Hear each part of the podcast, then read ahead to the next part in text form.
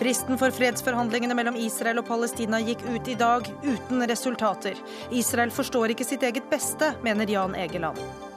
Michael Tetzschner vil beholde språket i Grunnloven. Martin Kolberg ønsker modernisering. Delt innstilling fra stortingskomiteen. Gi meg et museum uten barnefamilier, bønnfaller museolog. Han møter museumssjef til debatt.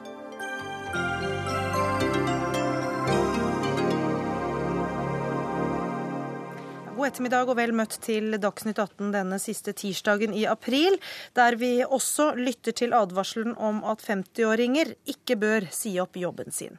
Mitt navn er Gry Blekastad Almås. I dag gikk altså fristen ut for fredsforhandlingene mellom Israel og palestinerne, og det uten resultat. I ni måneder har amerikanernes utenriksminister John Kerry ledet forhandlingene, men altså til ingen nytte. Midtøsten-korrespondent Sigurd Falkenberg Mikkelsen, hva er reaksjonene på både israelsk og palestinsk side i dag? Nei, Det virker ikke på meg som det er noen uh, umiddelbar krisestemning. Uh, verken blant politikere eller i opinionen. Rett og slett fordi dette var noe alle hadde ventet på, også lenge før uh, denne fristen gikk ut i dag. Og også i, til en viss grad før det kollapset tidligere for et par uker siden. I stedet har de begynt å skylde på hverandre, og det er et, et spill som foregår i, i offentligheten, hvor f.eks. Saab Erik at palestinernes sjefforhandler sier at israelerne har valgt eh, apartheid framfor fred, mens eh, Netanyahu har en lignende spissformulering, Israels statsminister, som sier at palestinerne valgte terror framfor fred. Så dette er et ganske klassisk spill eh, etter nok en mislykket forhandlingsrunde. Det høres ut som de egentlig aldri har hatt noe håp om at det skulle føre frem heller. Hvorfor har de da fortsatt å, å forhandle og holdt på i ni måneder? Det er først og fremst fordi eh, de ble tvunget til det av eh, USA. Eh, og USAs utenriksminister John Kerry har ledet et intenst diplomatisk forsøk på å få det til. Og det var nok kanskje noen som hadde trodd at dette skulle gå, føre litt fram en viss periode, men det viste seg ganske raskt at de stopp, det stoppet opp. Og de har stort sett brukt tiden på å forhandle om prosess heller enn konkrete ting. Og det er noe vi kjenner godt fra de 20 årene årene som har gått eh, siden eh, Oslo-avtalen ble underskrevet. Du blir med oss litt videre, eh, Sigurd. Jan Egeland, du var sentral i de hemmelige forhandlingene som i sin tid da førte fram til Oslo-avtalen. Hva slags forhandlingsvilje eh, har man sett på de to sidene siden den gang? Altfor lite. Eh, på begge sider. Eh, altså Palestinerne har jo vært kaotiske, uorganiserte, ofte useriøse. Men det som har forundret meg mest i disse siste 20 årene, er at Israel har handlet i strid med egne interesser. Så Israel fortjener sikkerhet, har som sin høyeste mål sikkerhet. Det er en liten, sårbar nasjon. At man gjør sitt ytterste for å da provosere sitt nabofolk, snarere enn å prøve å få et historisk, aktivt få et historisk kompromiss, som USA er villig til å legge hele sin tyngde bak og gi sikkerhetsgarantier til, det er helt uforståelig. Så jeg mener virkelig at eh, de siste politiske ledelsene i Israel har, spiller med Israels sikkerhet og det israelske folkets interesser. Er det til forskjell fra hva du så for 20 eh, år siden? Absolutt. Altså, jeg mener virkelig fortsatt at uh, Rabin var en uh, en helt, en fredshelt. Han var villig til å stå opp, ta et oppgjør med ekstremister på egen side. Han ga livet sitt for øvrig også i denne kampen. Han ble beskutt ikke av en palestinsk ekstremist, men en israelsk eh, ekstremist. Eh, han var liksom den siste som, som, var villig til å virkelig kjempe for fred. Siden har man hatt en lang serie eh, ganske opportunistiske israelske politikere. men har hatt som sagt enormt mye dårlige palestinske ledere. Men Israel er den sterke part, og Israel har handlet i strid med sitt eget folks interesser. Så du legger skylden på at disse forhandlingene nå strandet eh, ene og alene på Israel? Nei, jeg legger jo på begge to. Altså, det er klart, eh, Israel har ofte sagt vi har jo egentlig ikke en seriøs motpart. Men jeg mener nå at vi, vi i perioden med Mahmoud Abbas har du hatt en moderat president på palestinsk side på Vestbredden som man kunne fått en god avtale med. F.eks. sier Abbas Nato kan komme her. Eh, de kan passe på. Vi vil ikke ha noen her. Vi vil ikke være noen trussel mot Israel. Israel hadde enormt mye å vinne på det, og de har enormt mye å vinne på å holde tilbake sine ekstreme bosetningsbevegelser, som gjentatte israelske politikere har kalt en kreftsvulst i det israelske samfunnet. Nils Butensjøen, eh, du er professor i internasjonal politikk ved Senter for menneskerettigheter ved Universitetet i Oslo. Og vil du si det var realistisk av Kerry å tro at han kunne få til noe på disse ni månedene?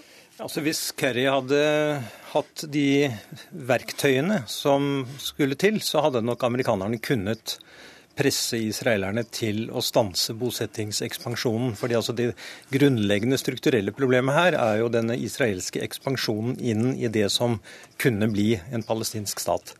Hvilke verktøy er det han ikke har hatt? Altså, Han kunne hatt de, men når han ikke har de, så er det veldig mye pga. Kongressen. Fordi Kongressen har satt veldig sterke grenser for hvor mye USA, og amerikanske presidenten, som, og Eh, republikanerne er jo flertall i Kongressen. Hvor mye de kunne presse Israel. For det er en veldig sterk pro-israelsk stemning eller holdning i den amerikanske kongressen. Og det eh, skaper eh, store problemer. Eh, Men da snakker man, du om f.eks. økonomiske sanksjoner? Økonomiske sanksjoner, ja. altså Som de jo med, med benyttet tidligere, i 1991, som hadde, hadde en virkning på israelerne. Det kunne være snakk om også å, å, å åpne for andre sanksjoner, altså militære, eventuelt politiske. Altså støtte palestinerne altså for å bygge opp den svake part, f.eks. i FN. Det er mange ting man kunne tenke seg, men som Kongressen nok ikke har tillatt, og som kanskje også Obamas, en del av Obamas nære medarbeidere ikke har ønsket å gå inn på. Så da er svaret ditt egentlig nei? Det var ikke realistisk å tro at han skulle nei, Jeg har jo ikke trodd det var særlig realistisk, men nå er jo jeg litt I motsetning til Jan Egeland, så har jo jeg også vært ganske skeptisk til hele prosessen helt siden Oslo-avtalen. Eh, vi vil ikke diskutere det eventuelt nå, men altså jeg mener det er en del strukturelle svakheter i hele forhandlingspakken. Eh, og, og, og, og, de har på en måte tråkket i det samme dødvannet i, i, de siste 20 årene, i, for å sette det veldig på spissen. La oss se litt på, på si, mulighetene framover ja. Eh, etter hvert. Men som dere har vært inne på, så har altså israelerne fortsatt sin eh, bosettingspolitikk, også mens disse forhandlingene har pågått. I dag kom det tall som viste at israelerne har økt bosettingene med nesten 14 000 nye hjem i løpet av de ni månedene som forhandlingene har pågått. Eh, og Sigurd Falkenberg Mikkelsen, hvordan forsvarer Israel dette? Altså, den israelske regjeringen eh, har jo et uh, bosetterparti i koalisjonen, partiet til uh, Naftali Bennett. og De har også husministeren, uh, Uri Ariel. og Han har jo ledet da den mest ekspansive utbyggingspolitikken på okkupert land på et, på et tiår. sånn at det er et sterkt press internt for å gjennomføre denne politikken. og så er stemmene som går mot, blitt svakere Eh, den siste tiden. og det er Pressgruppene som før samlet eh, mange mennesker, gjør ikke det lenger. Som f.eks. Eh, Peace Now, eller Fred nå, som har lagt fram disse tallene. Men i en fase hvor man sitter ved forhandlingsbordet, eh, hvordan forsvarer man da likevel at man øker denne bosettingspolitikken eh, istedenfor å i hvert fall legge den på is? da? Dette har, de, eh, dette har jo noe som har gått eh, hele tiden. Eh, de, har, de, de ble jo frosset en kort periode under Obamas første, første, første, periode. Men siden det så har det vært en ekspandering av, av bosettingene. Og de gjør jo det fordi de, de, mener at de trenger det, og det er som sagt et press, politisk press internt. Og Netanyahu har valgt seg da politiske partnere som har dette på agendaen. og igjen partiet til Bennett eh, de er jo ikke noen tilhengere av tostatsløsning og vil jo annektere eh, opp mot 60 av eh, palestinske, palestinske områder. sånn at For dem er ikke den bosettingen et problem, heller tvert imot. Egeland. Ja, det, det, dette er jo en av de interessante paradoksene. At uh, i regjeringen sitter der ganske ekstreme grupper som er, gjør ting, står for ting som er sterkt i strid med det et flertall av den israelske befolkningen ønsker. De ønsker ikke disse uh, bosetningene, som altså er ulovlige etter folkeretten. Det er det ingen tvil om. Men også veldig kostbare for, for Israel. Altså, de må bruke masse penger på dette. Det, de, de, de får bare problemer gjennom dem, syns et flertall av folket. Men de små gruppene som støtter og utgår fra, fra bosetterne, har klart å plassere seg i regjeringen. Og det er altså en av grunnene til at Israel handler i strid med egne interesser. Men Butenschøn, hvorfor eh, kan Israel fortsette eh, å eh, gjøre disse tingene i strid med folkeretten? Eh, hvorfor er det ingen i det internasjonale samfunnet som, som stopper dem? Det er fordi ingen eh, kan det. Altså, Amerikanerne vil ikke, og europeerne vil ikke. Altså, De vil ikke virkelig risikere noe. De vil ikke virkelig presse Israel på disse spørsmålene. Men i en situasjon hvor vi snakker om hvor viktig det er med internasjonale ja. regler overfor mm. eh, Putin når det gjelder Ukraina og i andre situasjoner, hva er det som er så spesielt med Israel som gjør at de kan få fortsette? Ja, Det er jo litt tilbake til det jeg sa om eh, Israels posisjon i amerikansk politikk, også amerikansk innenrikspolitikk i Kongressen. Også i Europa, med den historiske bakgrunnen, så er det veldig vanskelig for et Europa med Tyskland i spissen å, å skulle virkelig presse Israel. Så det har noe med det å gjøre. Ehm, men det er et paradoks eh, på mange måter her nå. fordi altså, Nå har jo eh, PLO og Hamas blitt enige om å danne en teknokratregjering. Eh, og det er jo eh, mange sagt sant, at det er en forutsetning for at man virkelig skulle kunne få til en realistisk fredsprosess. Fordi eh, Hamas vant valget i 2006 overveldende i forhold til Fatah og de andre grupperingene i, i, i PLO. Så for nå å samle den palestinske bevegelsen så har man da nå lagt grunnlaget for det. Og dermed så burde jo også grunnlaget for Eh, faktisk reelle og, og, og, og, fremtidsrettede forhandlinger ligger bedre til rette. Men selvfølgelig, Eh, det er, et, det er, en veldig retorikk rundt alt det, dette som skjer. Og, selv om man vet at Hamas i realiteten har godtatt en tostatsløsning, så har de jo ikke endret sine grunnleggende charter osv. Så, så, så, de, så derfor sier Netanyahu de er terrorister. ikke sant? Og det sier da USA ja, de er terrorister. EU sier ja, de er terrorister. Men politisk sett så har man nå egentlig på palestinsk side lagt grunnlaget for en forhandlingsprosess. Men så går jo også retorikken sterkt den andre retningen, hvor man da eh, hører uttrykk som apartheidstat om eh, Israel. Og i det ligger jo en eh, trussel nærmest om å isolere Israel. Hvor realistisk eh, mener dere at en internasjonal boikott av Israel er, som en reaksjon på at disse forhandlingene ikke har ført fram? Jeg tror den er, den er, ganske urealistisk. Og jeg tror ikke gjennom boikott at man vil tvinge fram en endring heller. Det er gjennom konstruktivt press eh, på regjeringen ved å si hør her, dere ønsker sikkerhet fra det israelske folk. Det kan umulig være i deres interesse å avle stadig nye generasjoner av hat mot dere. Men hvor lenge skal man holde på med konstruktivt press, da? Jeg, ja, altså, prøvd, det. Altså, det er jo ikke noe alternativ eh, til, til etter mitt skjønn at det er politiske forhandlinger som USA leder. Nå er, nå er det symptomatisk. Men det går jo ikke.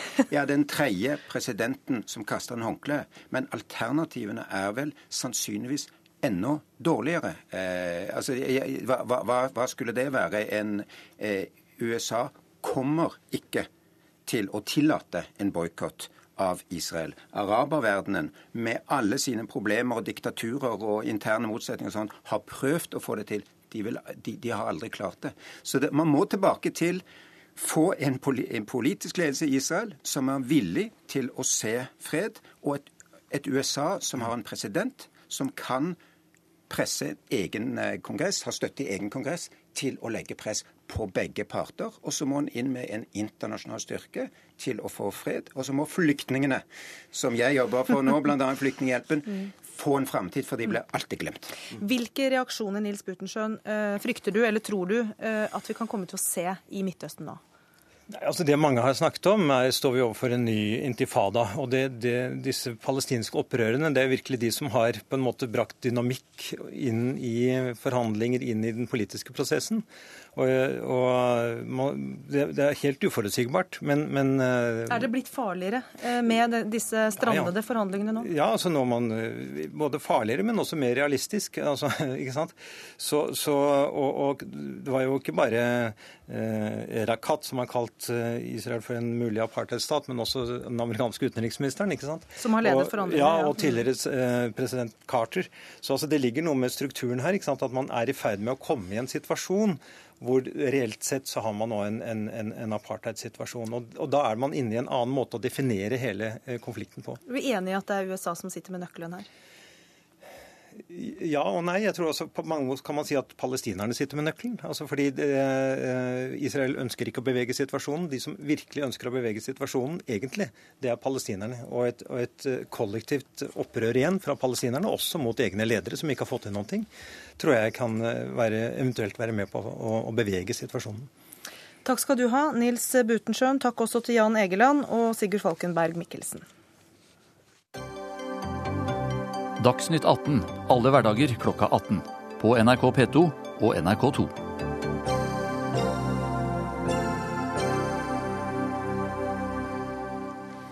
Selv om de over 50 har lang erfaring i arbeidslivet og er godt kvalifiserte, opplever likevel flere at det er vanskelig å få seg jobb. Svært få bedrifter ansetter jobbsøkere som er i 50-åra. Det viser en undersøkelse du har gjort blant 26 eh, større private bedrifter. Eh, seniorrådgiver Steinar Hopland ved Senter for seniorforskning. Hvordan har dette seg? Eh, ja, vi spurte det der om seniorpolitikk generelt, men vi tok også opp spørsmålet om, om rekruttering. Og det viste seg det at svært få av disse bedriftene rekrutterer folk over 50 år. Når du da kommer til 55, så er det nesten ingen som gjør det. Eh, det Hvilken begrunnelse? Begrunnelsen er at eh, man er redd for en forgubbing i bedriften. Man er redd for å få en for, for, for uh, høy alder på, på snittet sitt. Uh, og Vi forsøker da å si andre veien at den demografiske utvikling i landet går i retning av en aldrende befolkning.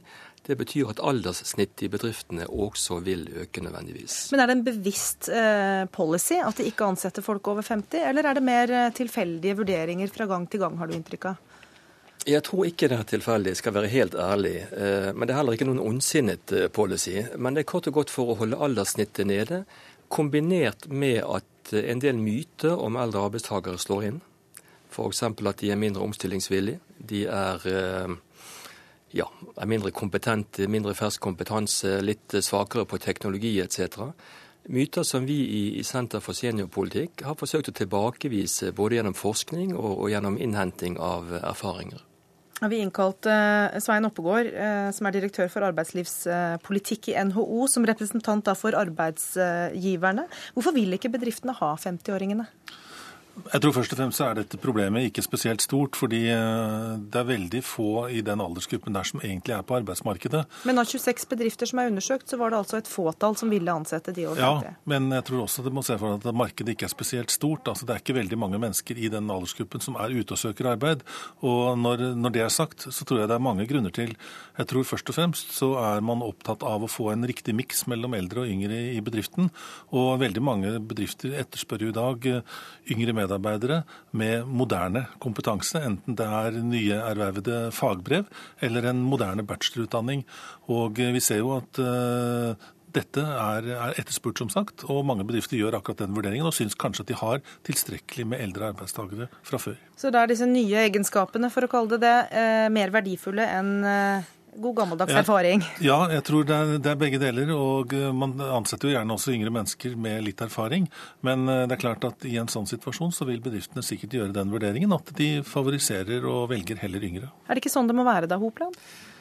Ehm, jeg forstår veldig godt at det må være et aldersmangfold i bedriftene. Jeg tror arbeidsmiljøene har veldig godt av det. Man, bedriftene fungerer bedre på den måten.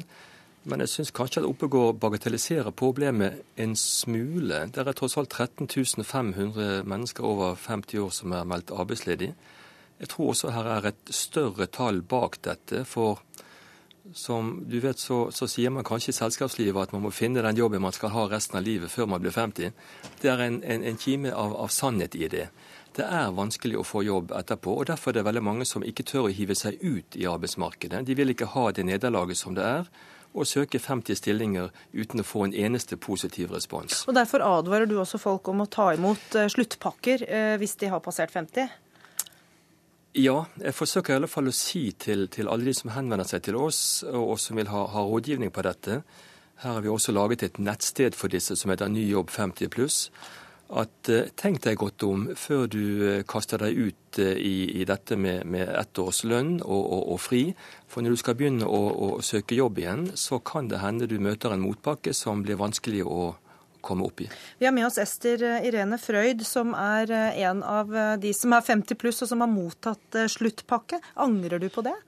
I mitt tilfelle Hei, forresten. Hei. I, mitt, I, mitt, tilfelle så var vel egentlig ikke noe det å ikke ta imot. Da kundesentrene i det forsikringsbyrået jeg jobbet for, så la de ned 13 kundesenter, og 18 av oss blei arbeidsledige mot en sluttpakke. Så vi hadde jo egentlig ikke noe valg.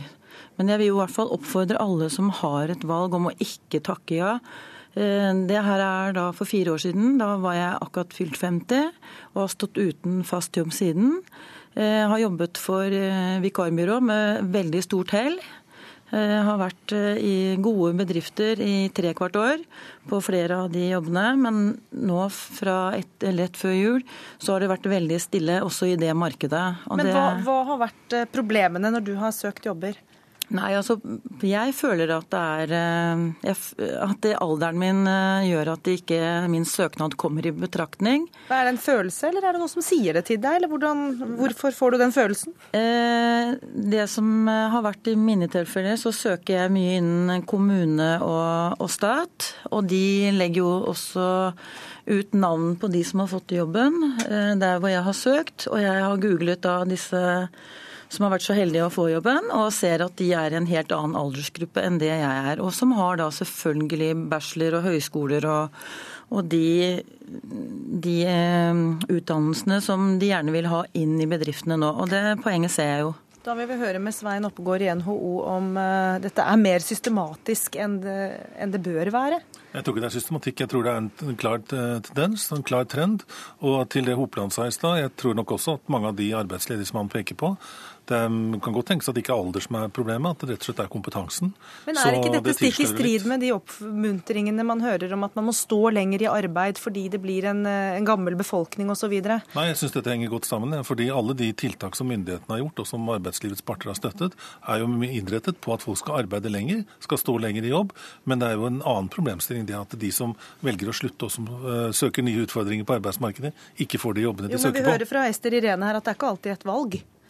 Nei, eh, noen velger å slutte. Noen får sluttpakker, som det er sagt, og andre blir sagt opp. Får ikke jobb når ja, det blir sagt opp. Det er riktig. Mm. Men det er ikke nødvendigvis slik at det bare er alder. Det kan også være rett og slett kompetansen som ikke er slik. Og så kan det også ligge noen forventninger om at man har si, har gode lønns- og arbeidsbetingelser der man kommer fra, og må forvente kanskje å få noe dårligere betingelser.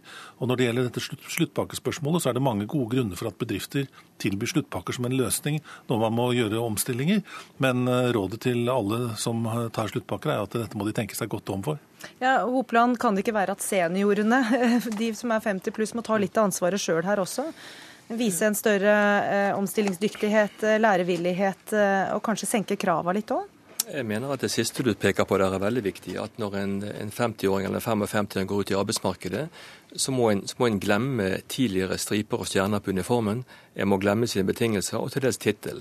Jeg må ta et helt nytt utgangspunkt eh, og forsøke noe helt annet. Eh, prøve en strategi som går på at man til og med sier at man kan tenke seg å gå litt ned i lønn. Man trenger ikke samme tittel, man kan gjøre litt forskjellig arbeid. Og, og dette krever en trygghet som ligger i kompetanse.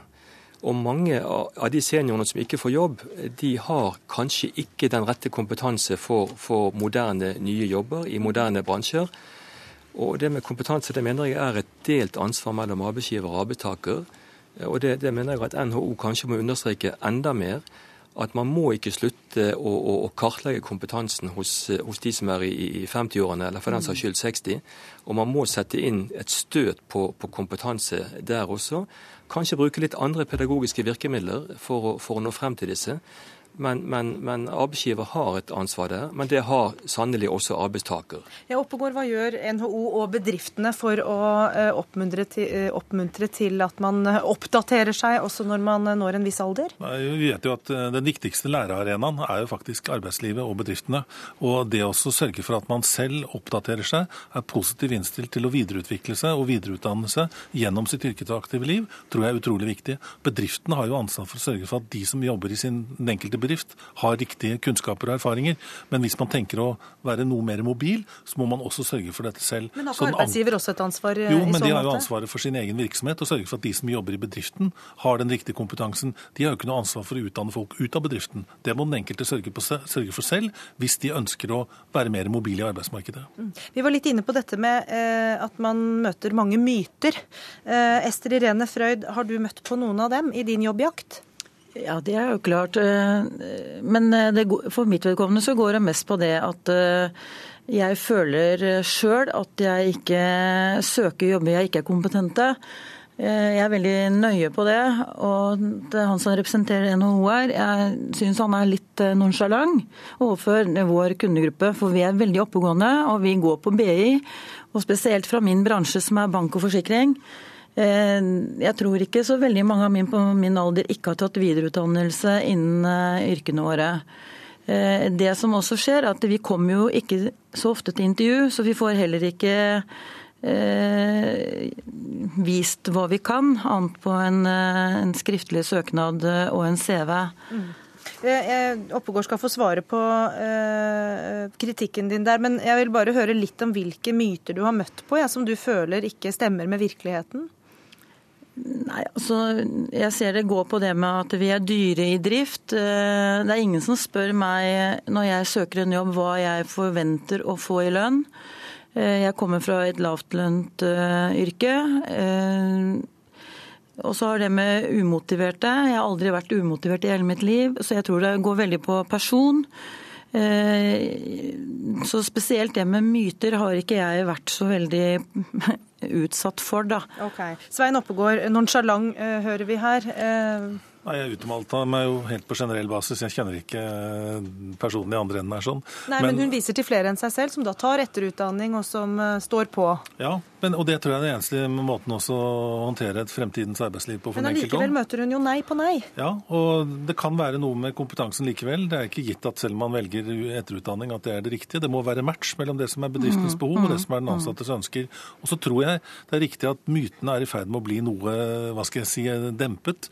Det er ikke slik at eldre arbeidstakere er mer syke. Det er ikke slik at de er dyrere når det gjelder pensjonsordningen, for de aller fleste private bedrifter har da gått over til innskuddsordning. Mm. Og det er heller ikke sånn at eh, eldre arbeidstakere bruker mesteparten av arbeidstiden sin til andre ting. De er pliktoppfyllende og dyktige og gode medarbeidere. Men likevel så er bildet den at eh, de ambisiøse og unge som skifter jobb regelmessig, typisk mellom 30 og 45 år, de er på en måte vinnerne i arbeidsmarkedet. Og Moralen din da, Hopland, er vel at det, det, det byttet av jobb bør man gjøre før man fyller 50? Man uh, har iallfall en mye større mulighet for å bytte jobb der. Og uh, jeg syns det er synd at mobiliteten uh, i arbeidsmarkedet skal stoppe opp for de menneskene som er født før 1964. Jeg tror man må, må, ha en mulighet for å kunne, kunne, få seg en ny jobb, også helt til man er 60 i alle fall. Da, da, det vil også arbeidsgiverne tjene på på lengre sikt, tror jeg, at man har den mobiliteten. I dag er det litt trist utvikling i og med at både ledighetstallet for denne gruppen vokser, men også tilstrømmingen til likestillings- og diskrimineringsombudet i saker hvor man føler seg direkte utelukket for å unngå å bruke diskrimineringsbegrepet.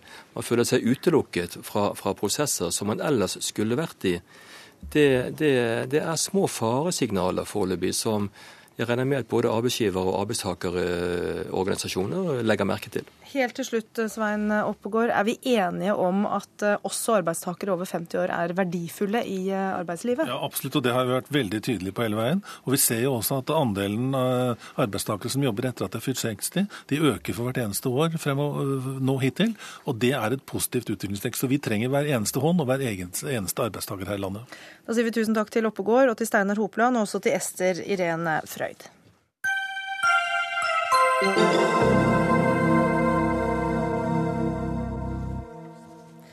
LO foreslår å opprette et nytt statlig eierskapsselskap. Selskapet skal ha som hovedoppgave å kjøpe seg inn i virksomheter som er strategisk viktige for Norge, men som eh, står i fare for å forsvinne til utlandet. Det skriver Dagens Næringsliv eh, i dag. Og Forslaget det kommer fra deg, Hans Christian Gabrielsen, nestleder i LO. Eh, hvorfor trenger vi et slikt selskap? Vi har over tid sett at vi har mangla et godt og velfunksjonerende verktøy i det du kan kalle den statlige verktøykassa. Eh, spesielt da retta mot strategisk viktige bedrifter av moden karakter, som er, som er viktig for, eh, for Norge. Eh, vi har gode virkemidler knytta til gründerfase, til oppstartsfase og i tidlig fase.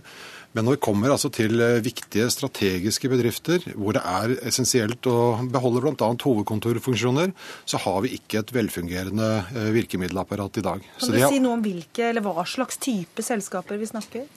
Det kan være selskaper som eh, Elkem, som var i spill for et år eller to tilbake. Det kan være et selskap som Borregaard. Altså, poenget er, vi snakker om bedrifter eh, hvor jeg mener at Norge har eh, komparative fortrinn, og hvor det er strategisk interessant og viktig for Norge som nasjon å beholde eh, den kompetansen, beholde hovedkontorfunksjonene. Fordi vi vet at nærheten til eierskapet eh, har betydning i det lange løp, i det strategiske løpet.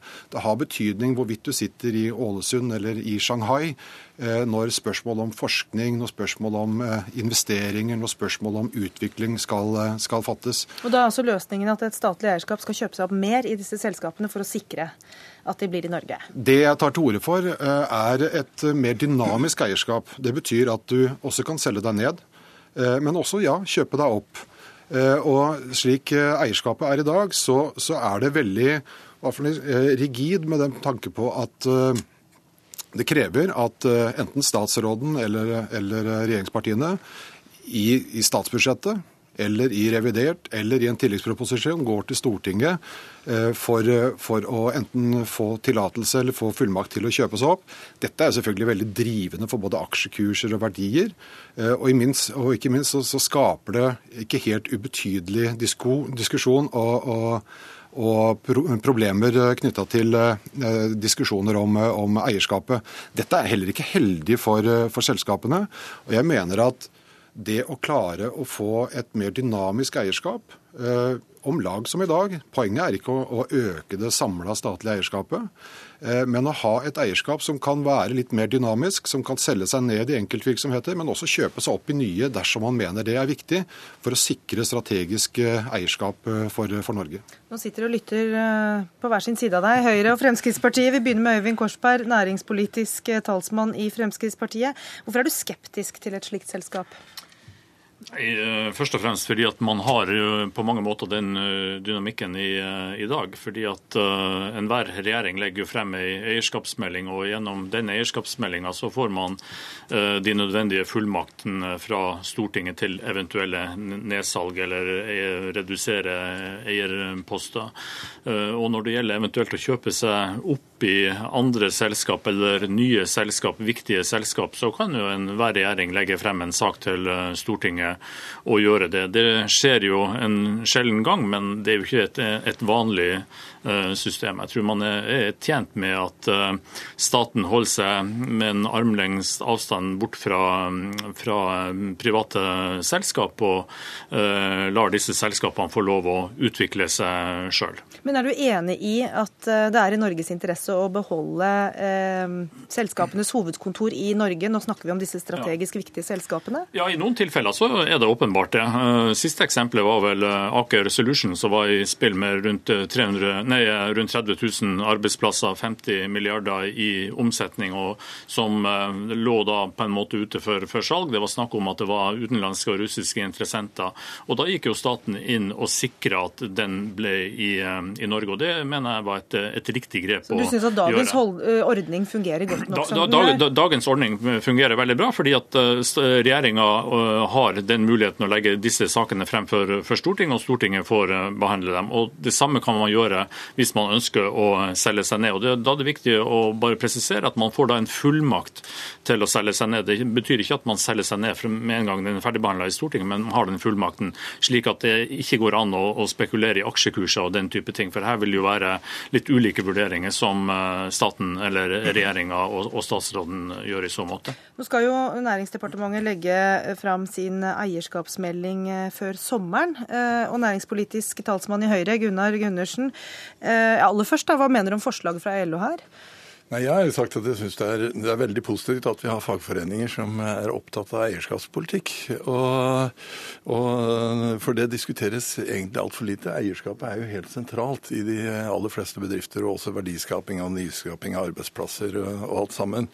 Ehm, så kan vi godt komme tilbake og diskutere hvordan vi organiserer og får til dynamikken. For det er klart at ideens, det som også gjør ideen tiltrekkende, er også den største utfordring.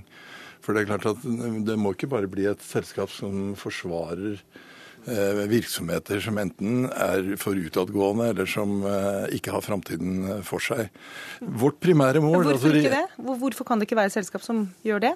Nei, for det er en enorm dynamikk i næringslivet i dag. Og, og det vil alltid være bedrifter som enten pga. strategiske feil eller at de er i markeder som er til tilbakegang og sånne ting, som, som, rett og slett må ut for at det skal komme nye bedrifter inn som, eh, med ny verdiskaping og sånne ting. Den dynamikken er jo til de grader til stede i, i Norge i dag. Og, og det, i det lyset så er jo regjeringens primære mål, mål er jo å styrke det private eierskapet. Styrke mangfoldet i eierskapet. Det har har veldig mye å si for framtidig verdiskaping.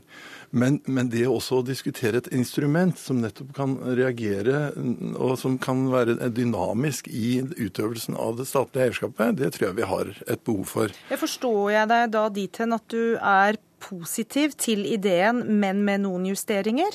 Ja, ja, ja nettopp. Jeg, for vi har ikke fått gått inn i den. Og det, jeg syns det er en idé som er vel, vel verd å gå inn i og utrede om det kan være en farbar vei. Mer har ikke jeg sagt, og lenger har jeg heller ikke lyst til å så, gå. Så da er du uenig med din regjeringskollega eh, i at dagens ordning fungerer godt som den gjør?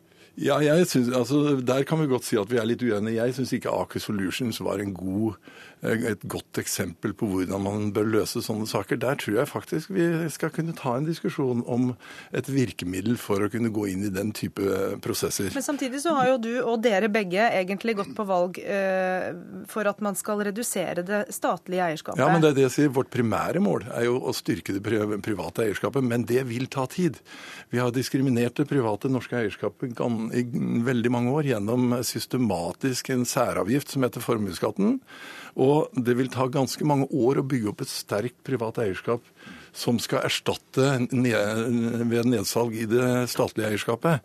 Så her er vi fullt enige om målet, men jeg syns vi skal diskutere virkemidlene på veien mot målet. Ja, Gabrielsen, er dette et forslag som eh, skal demme opp for eh, nedsalget av eh, statlig eide selskaper?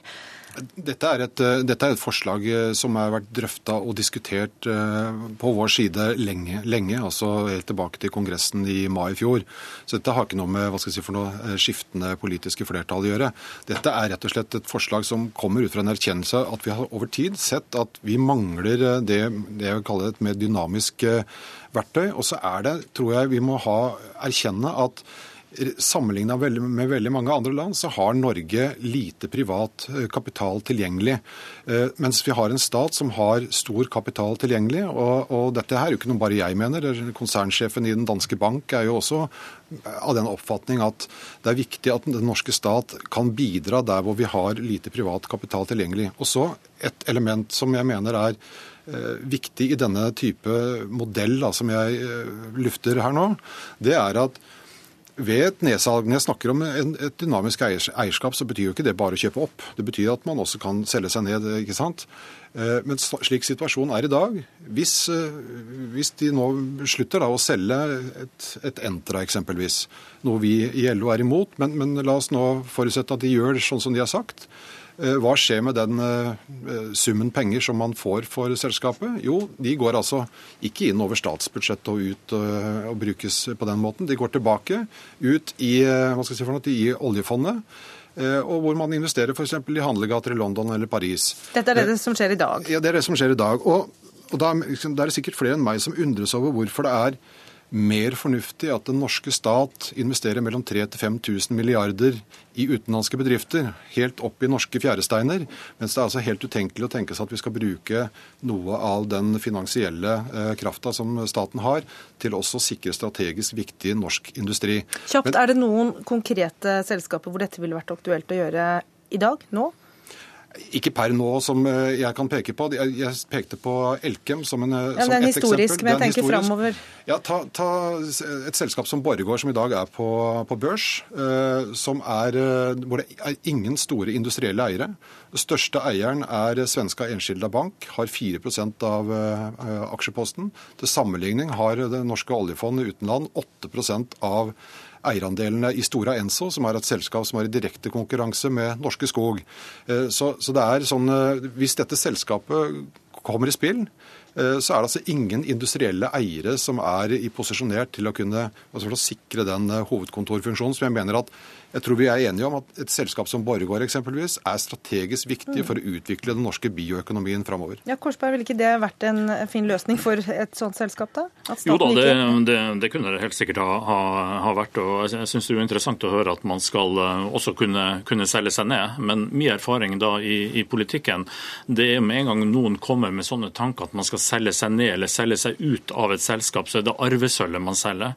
Jeg har vært gjennom mange debatter når det gjelder uh, SAS som staten har, altså en bitte liten eierpost. Og jeg har møtt mange motstandere av å selge seg ned. Så det, akkurat de som, som kommer hit og, og, og, vil forfekte at man skal selge seg ned, det tror jeg kommer til å bli en, en, en mangelvare. Så det tror jeg også man må bare ha, ha, med seg. Så kan man jo se på man kan bruke Folketrygdfondet som et instrument for å utøve eierskapspolitikken. For det, da har man jo flere måter man kan gjøre, de, med, gjøre av de inntektene man, man, får. Det ene er jo å, å, å la dem forbli i Folketrygdfondet oljefondet.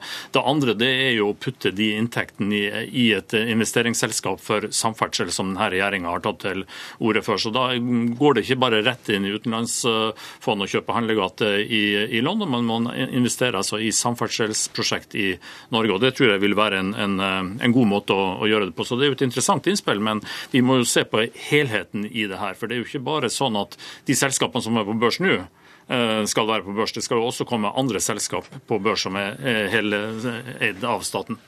Gunnar Gundersen eh, innledet med å si at eh, denne eierskapsmeldingen kommer før sommeren. Hvor mye av dette forslaget får vi se der? Nei, Det skal ikke jeg spå noe om.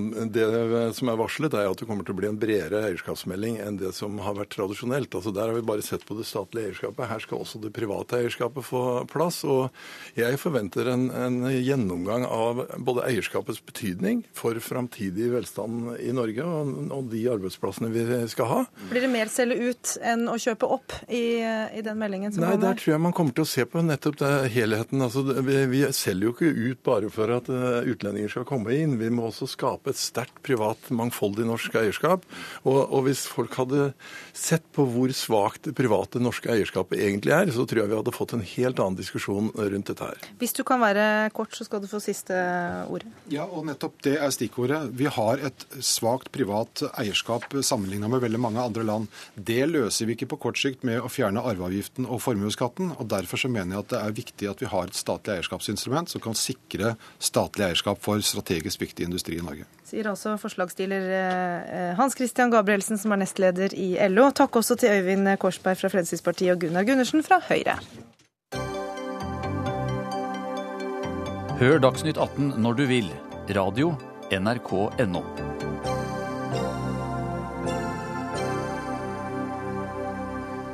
Ja, Nå må de to neste debattantene høre godt etter. Fordrer statens tarv at noen må avgive sin rødlige eller urørlige eiendom til offentlig bruk, sa bør han have full erstatning av statskassen. Dette er altså paragraf 105 i Grunnloven. Og Martin Kolberg, eh, hva betyr det? Ja, Det betyr jo at uh, han ikke kan uh, fratas alt uh, på alle måter. Han skal ha erstatning. Men det viser jo, det er et veldig godt eksempel på hva denne saken handler om. Dette dette er veldig vanskelig tilgjengelig. Det er vanskelig tilgjengelig for oss, og det er vanskelig tilgjengelig for befolkningen. Det dreier seg altså om ekspropriasjon? Ja, eh, altså- selvfølgelig. Når, når det blir ekspropriert, og da skal du ha full erstatning. Og det er jo riktig og helt nødvendig, men det behøver ikke være slik formulert. Og det denne saken handler om, det er altså at det over lang tid har vært formulert og forberedt et ønske om å få mm, Grunnloven på moderne bokmål og moderne nynorsk. Men det har du ikke klart å sikre i eh, kontroll- og konstitusjonskomiteen på Stortinget, som du leder. Og det, rundt det vil jeg uttrykke veldig tydelig tristhet eh, og en åpenbar beklagelse. Fordi dette skulle være en av de viktige innslagene i jubileumsåret. At vi forlot det gammelmodige språket og gikk over på moderne nynorsk, slik at befolkningen kunne lese Grunnloven, forstå den og forstå sine rettigheter. Eh, Slik som det nå ser ut, så blir det dessverre ikke noe av, og det er eh, etter mitt syn sterkt beklagelig. Fordi I dag så leverte du og dere en delt innstilling eh, fra komiteen og til Stortinget. Eh, Og den var delt fordi de borgerlige partiene altså ikke ønsker en modernisering av språket. Michael Tetzschner, eh, hvorfor ikke? Når det kan være vanskelig å forstå, som vi har fått et eksempel på her. Altså, Jeg skjønner at, at dette kan bli litt lek med ord, men realiteten i det er at vi også går inn for en språklig fornyelse. For det første så har vi jo sett på det som kommer uken etter at vi har eh, tatt disse eh, hel, såkalt helhetlige språkforslagene, som dessverre på noen punkter også har innholdsforskyvninger som gjør at vi f.eks. eh, skaper uklarhet om arbeidsdeling mellom regjering og storting når det gjelder å ta opp lån. Men så har vi muligheten i uken etter å, å følge opp eh, Menneskerettighetsutvalget, som eh, Ja, for Det skal altså være snakk om den språklige fornyelsen, og så er det snakk om den innholdsmessige fornyelsen. ja, og Den innholdsmessige den har også betydning for noe av det som eh, Kolberg sier han er opptatt av, nemlig et, å kunne forstå hvilke rettigheter man har. Og Der trues jo Grunnloven av eh, en, en tendens til å ville skrive inn politiske programerklæringer som man ikke kan stole på. Eh, Jeg har det eh, rettspolitiske syn, og der kommer Grunnloven sterkt inn også, at det skal være en lov man kan stole på, og den skal altså utløse rettigheter. Den skal Men, si men kan vi prøve å holde oss til det språklige Ja, det kan vi gjøre, eh, i men- denne omgang? det- fordi det du ja, innledet med å si, for er at Det var nettopp fordi du innledet med å si at vi eh, ikke var for språklige endringer. Nå får vi betydelige språklige endringer, og det morsomme er at noen av de språklige endringene de er nevnt av Arbeiderpartiet i innstillingen i dag som, som uforståelige ord, men eh, disse skoleeksemplene blir borte. eh, Men den totale moderniseringen eh, vil dere ikke ha? Nei, og det er, det er også fordi det er ikke nødvendig med en total språkrevisjon. Særlig ikke når man ikke klarer å leve opp til forutsetningen om at det ikke skulle være noen forskyvning i innholdet. Og da syns jeg at vårt syn som går ut på gradvis forbedring når det er behov for å endre rettstilstanden knyttet til den enkelte paragraf, som også da blir utredet mye bedre, for nå går det litt fort. Og, og det er ikke eh, særlig betryggende for selve lovprosessen. Litt fort er jo et argument som overhodet ikke holder. Eh, Dette har vært forberedt fra ikke bare i forrige stortingsperiode, men perioden før der. Slik at her har man hatt årevis på å forberede dette. Og jeg vil blankt avvise den indirekte påstanden som, eh, som Tetzschner kommer med her, at det er grunnlag for meningsforskyvninger mellom gammeltekst og nyteksten. Dette har vært diskutert så grundig, og det finnes ikke én eneste kvalifisert jurist i dag som mener at dette er en utfordring.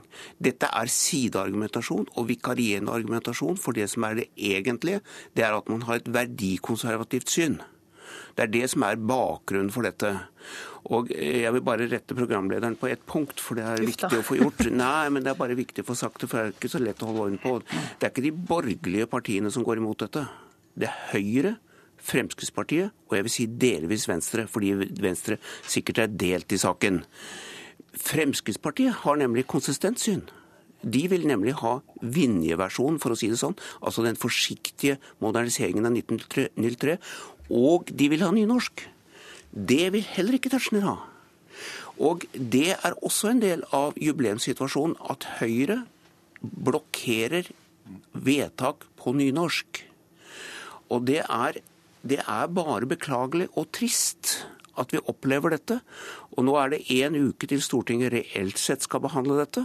Og jeg håper det blir bevegelse nå eh, blant Stortingets representanter når de begynner å sette fokus på hva dette egentlig handler om. Ja, la, la For oss, det er et La oss få høre hva som, er, hva som ligger bak motstanden mot den nynorske versjonen. da. Nei, Den eh, blir jo ikke aktuell når vi har en grunnlov som nå blir forandret innholdsmessig og fornyet, strammet opp også redigeringsmessig, blir eh, klarere, blir enklere. Og så får vi ut uvirksomme paragrafer som forvirrer en, en leser, for det er også et, en, et mål for Eh, lesbarheten av Men hvorfor er det ikke aktuelt med en nynorsk versjon da? Nei, Vi gjør ikke det når det gjelder eh, andre lover. Eh, da har vi den språkdrakten som den er vedtatt i. Og vi har en rotasjon når det gjelder forholdet mellom bokmål og nynorsk, som fungerer aldeles utmerket. Det følger da saksordførers målføre. Og så ser jeg at Kolberg også nå etterlyser samisk grunnlov, og har lovet å si at det er mangel, at ikke dette også er på plass nå, og har lovet at Arbeiderpartiet skal fremme en, en, en samisk ja, Kolberg kan det ikke bli litt mye å forholde seg til? Jeg kan bare avslutte og si at Da begynner vi å komme litt på siden av en tekst som ikke i dag volder tolkningsmessige problemer, og hvor vi har helt andre trusler, nemlig selve utvanningen av eh, dette som et juridisk dokument. Det er min store bekymring, og det tar vi fatt på uken etter. Ja, Dette bekymrer jo ikke meg i den forstand at alt det juridiske er meget solid ivaretatt i de nye språkversjonene. Slik at jeg vil avvise at det er en problemstilling. For det har vi vært enige om hele tiden. At denne oversettelsen, som det jo reelt sett er, ikke skulle bety noen meningsforskjeller. Og som jeg gjentar, det er ingen juridiske miljøer som lenger sier at dette er et problem. Men, Dessuten, men, hvorfor er det så viktig å fornye den hvis den fungerer greit som den står? Fordi at spørsmålet om språk er et spørsmål om demokrati. Det er et spørsmål om den yngre generasjon kan lese Grunnloven. Men Kan man ikke lage en barnevennlig versjon av Grunnloven? Ja, men den har da ikke juridisk kraft, og det er noe helt annet. Det, alltid, det foreligger jo oversettelse av disse tingene. Men poenget er, poenget er at hva er Grunnloven? Jo, den skal være folkets lov, og ikke makthavernes lov. Den skal være det som legger grunnlaget for vår rettstilstand, som eh, Tetzschner helt riktig sier. Men den skal også være et symboldokument som forteller hva slags samfunn Norge er. Og da skal vi altså lene oss på et språk som altså ligger over 100 år tilbake i tid. Hvorfor i all verden skal vi drive med det? Og så sier Tetzschner at ja, dette løser seg, for de nye paragrafene kan skrives på et moderne språk. Det er, det er, utgangen på det hele. Det vil ta lang tid, Tetzschner, hvis den skal fornyes på den måten? Det vil ta lang tid, men ja, fordi, la meg bare si... Og Det er rett og slett fordi behovs, uh, fornyelsesbehovet er ikke så stor som uh, det argumenteres med her. Men, det men er det ikke viktig at folk forstår hva som står jo, men den er faktisk, jo, men, men, dette preges jo av at uh, veldig mange av de som deltar i debatten, ikke har brydd seg med å lese loven. Og, Påstår du at Kolberg ikke har lest den? Ja, Han har f.eks. ikke lest de forslagene som ligger fra Menneskerettighetsutvalget, siden i innstillingen i dag gjentar helt uriktig eh, som argument mot å beholde den nåværende grunnlovsformen. Og bruker eksempler som altså forsvinner ut uken etter. Det må han få lov til å svare på før vi går videre her. Ja, men dette er det, det, dette... har, du, har, du, lest den, eller? Ja. Jeg må, må, jo spørre, da. Ja, det er, det er klart det. Uh, og dette er, dette er uh, Altså, Mikael, Mikael, jeg sier Mikael nå, for vi er kolleger. Ja, men hør. Du vet at vi har respekt for hverandre. Men altså, det hadde vært mye bedre om du hadde sagt det som det er. Nemlig at dette er en uttrykk for en verdikonservatisme. Og det står også i innstillingen, eh, som, som da eh, Tetzschner eh, lener seg på. Så sier han at det viktige er at de som bruker loven, liksom virkelig forstår den. Altså ikke nødvendigvis befolkningen, det som før ble kalt for allmuen. Altså, Det er jo tråder tilbake til embetsmannsstaten. Og nå er det altså 2014. Dette kan vel ikke ha. Og jeg håper at Stortinget virkelig ser hva det er som er snakk om. Dette er demokratier, dette er prinsipper, og derfor er språket så viktig. Men Kolberg, nå syns jeg det er du som bør modernisere ditt språk. fordi du har også uttalt at dette er et spørsmål om klassekamp. Det er jo egentlig snakk om en lov vi liker alle sammen. Jeg visste jo ikke før nå i sluttrunden at dere egentlig hatet den loven eh, vi har, så intenst. Den er ganske brukbar, og det sier alle brukerne av det. Og det sier også de som eh, er samfunnsinteresserte og som leser den. Og så Hvis du ville ha en barneversjon, så måtte du altså gå helt annerledes til verks. For da måtte du altså ikke stå kongen, men regjeringen de fleste stedene. Så den saken er jo allerede tapt da. Der har vi fått etablert uenigheten, og så får vi se hva Stortinget kommer fram til den 6. mai, er det vel. Takk til Michael Tetzschner og Martin Kolberg.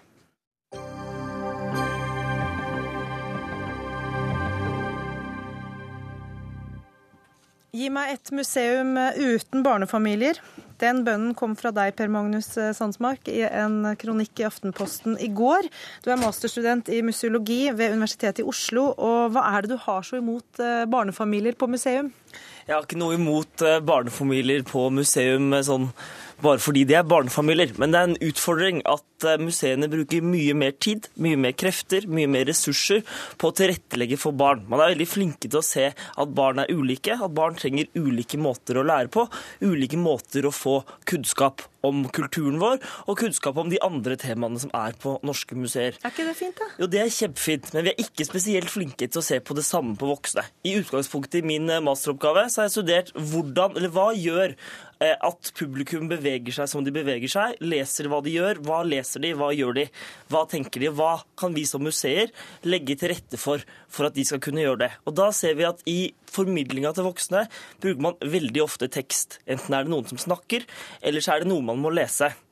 Det gjør at veldig mange faller ifra og bare går forbi og ikke får inn stoffet. Det som er unikt med museer, er at det er ekte gjenstander, det er ekte ting, det er helt autentiske ting som du ikke kan få noe annet sted. Det skiller det fra Wikipedia og internett og alle disse andre områdene vi møter eh, kunnskap på. Eh, og den muligheten bør museene også utnytte, sånn at også voksne har muligheten til å lære noe, til å bli mer inspirert av å gå på norske museer. Og så skriver du i denne kronikken din at ved Naturhistorisk museum går en familie nok en gang og ser på elefanten fordi yngstemann elsker det. Eh, hvorfor mener du dette er et eksempel på at man legger for stor grad til rette for barna? Det er et eksempel på hvordan at særlig formidlinga på i helgene, når vi alle har tid til å gå på museer, er veldig tilpassa eh, barnefamiliene. Og det, Museene bærer på en stor grad på interaktivitet. Stadig mer sånn interaktive øvelser for barn. Leker, at man skal tegne ting osv. Og, så og det andre er jo nostalgi. Og Nostalgifølelsen av den store elefanten som man får lov til å se hver uke, er veldig bra. Og den må museene ta vare på. Eh, men det er en utfordring at det er dette som eh, er museenes eh, hovedformidling ut. Det er ikke barnefamiliene til livs. Jeg vil bare at andre også skal kunne få nytte av den dannelses- og kunnskapsinstitusjonen som museene er alene sammen med bibliotekene å være. Vi får høre med Cecilie Webb, da, som er seksjonssjef ved nettopp Naturhistorisk eh, museum. Er dere for dårlige til å, å tilrettelegge for voksne? Vi er kanskje for dårlige til å rettelegge både for barn og voksne, men jeg tror ikke vi trenger å tilrettelegge spesielt for voksne. Eh, når det gjelder Naturhistorisk museum, så skjønner jeg jo at eh, Sandsmark ikke har vært der. For vi har jo ingen elefant. Så dette her er, Men du er hjertelig velkommen til å komme dit. Men du har ikke klart å tiltrekke deg han, skjønner du? For Nei, det skjønner jeg ikke. Men hvis han kommer, så kan han f.eks. komme i vår forskningsbaserte jubileumsutstilling eh, Sexus, som betyr kjønn. Og den er definitivt kanskje vil appellere mest til de kjønnsmodne. Og eh, den handler da om kjønn. Hva, hvorfor har vi kjønn? Hva er forskjellen på han og hun? Spenninger mellom kjønn. Men må man lese om dette her, eller kan man se og føle? Der kan du nemlig se og føle. Det er et helt taktilt rom hvor du kan kjenne på veggene. Det er ikke skrevet et ord. Dette er definitivt tror jeg, godt tilrettelagt for deg hvis du dukker opp. Er det du som går for lite på museum? Nei, det er det ikke. Jeg var nylig på Naturhistorisk museum på utstillinga deres som parasitter. En utstilling som de lånte fra Tyskland. Som var et veldig godt eksempel på at eh, det er eh, bilder, det er eh, gode illustrasjoner og ting du kan gjøre som gjør at du blir interessert. Samtidig var det også et godt eksempel på at språket var så tungt. At det er vanskelig også for oss med akademisk bakgrunn å klare å følge den Eh, utstillinga. Men altså, Har han ikke noe i den kritikken også, at man kanskje bør forenkle eller, eller gjøre det litt mer fristende? da? Jo, og vi planlegger nå nye utstillinger, geologiske utstillinger. Der er planleggingen kommet langt. Og der vil vi ta utgangspunkt i objektene. Vil vi lage miljøer eh, som fremhever disse objektene, setter dem i en sammenheng og øker totalopplevelsen. Og der skal både barn og voksne få fordype seg sammen. Ja, for Er det ikke noe med det at det som funker for barn, også kan funke for voksne? Det kan det, selvfølgelig. Men jeg er uenig i Web sin til eh, påstand om man ikke trenger å tilrettelegge spesielt for voksne. Voksne er også ulike. Vi vet at på Den eneste gruppa som går mer på museum enn resten av befolkningen, det er de under 15 år.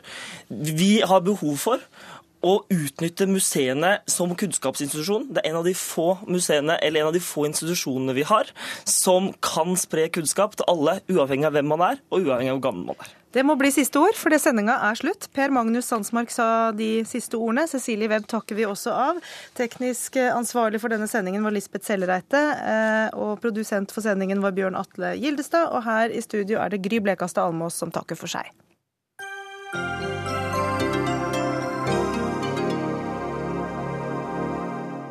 Hør flere podkaster på nrk.no podkast.